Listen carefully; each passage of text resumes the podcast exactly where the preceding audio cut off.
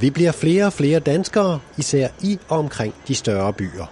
Lige nu der ser man øh, kraftigt stigende befolkningstilvækst, i, i, særligt i, i de store byer. Sådan har det været i noget tid. Men det er ikke kun en storbytendens, også de mindre byer har vokseværk. Så i hele 82 ud af landets 98 kommuner, jamen der har vi stigende befolkningstilvækst.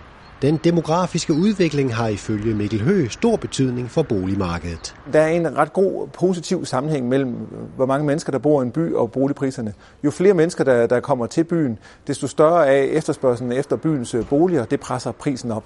En af de tendenser, Mikkel Høgh hæfter sig ved i befolkningstallene, er, at flere såkaldt velstående udlændinge strømmer til især Aarhus og København.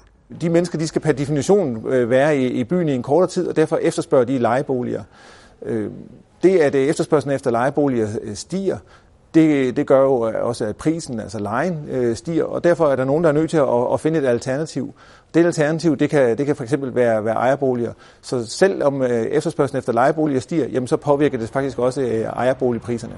I en tid, hvor der tales meget om urbanisering, noterer Mikkel Høgh, at befolkningstilvæksten er bredt funderet der er faktisk stigende befolkningstilvækst stort set over hele landet. Det vidner noget om, at boligmarkedet, øh, det opsving, vi har, det, det breder sig ud over øh, det ganske land. Og, øh, og derfor øh, tror jeg ikke, man skal være så negativ på, på boligmarkedet, heller ikke i, i provinsen, som øh, nogen gerne vil være en gang imellem.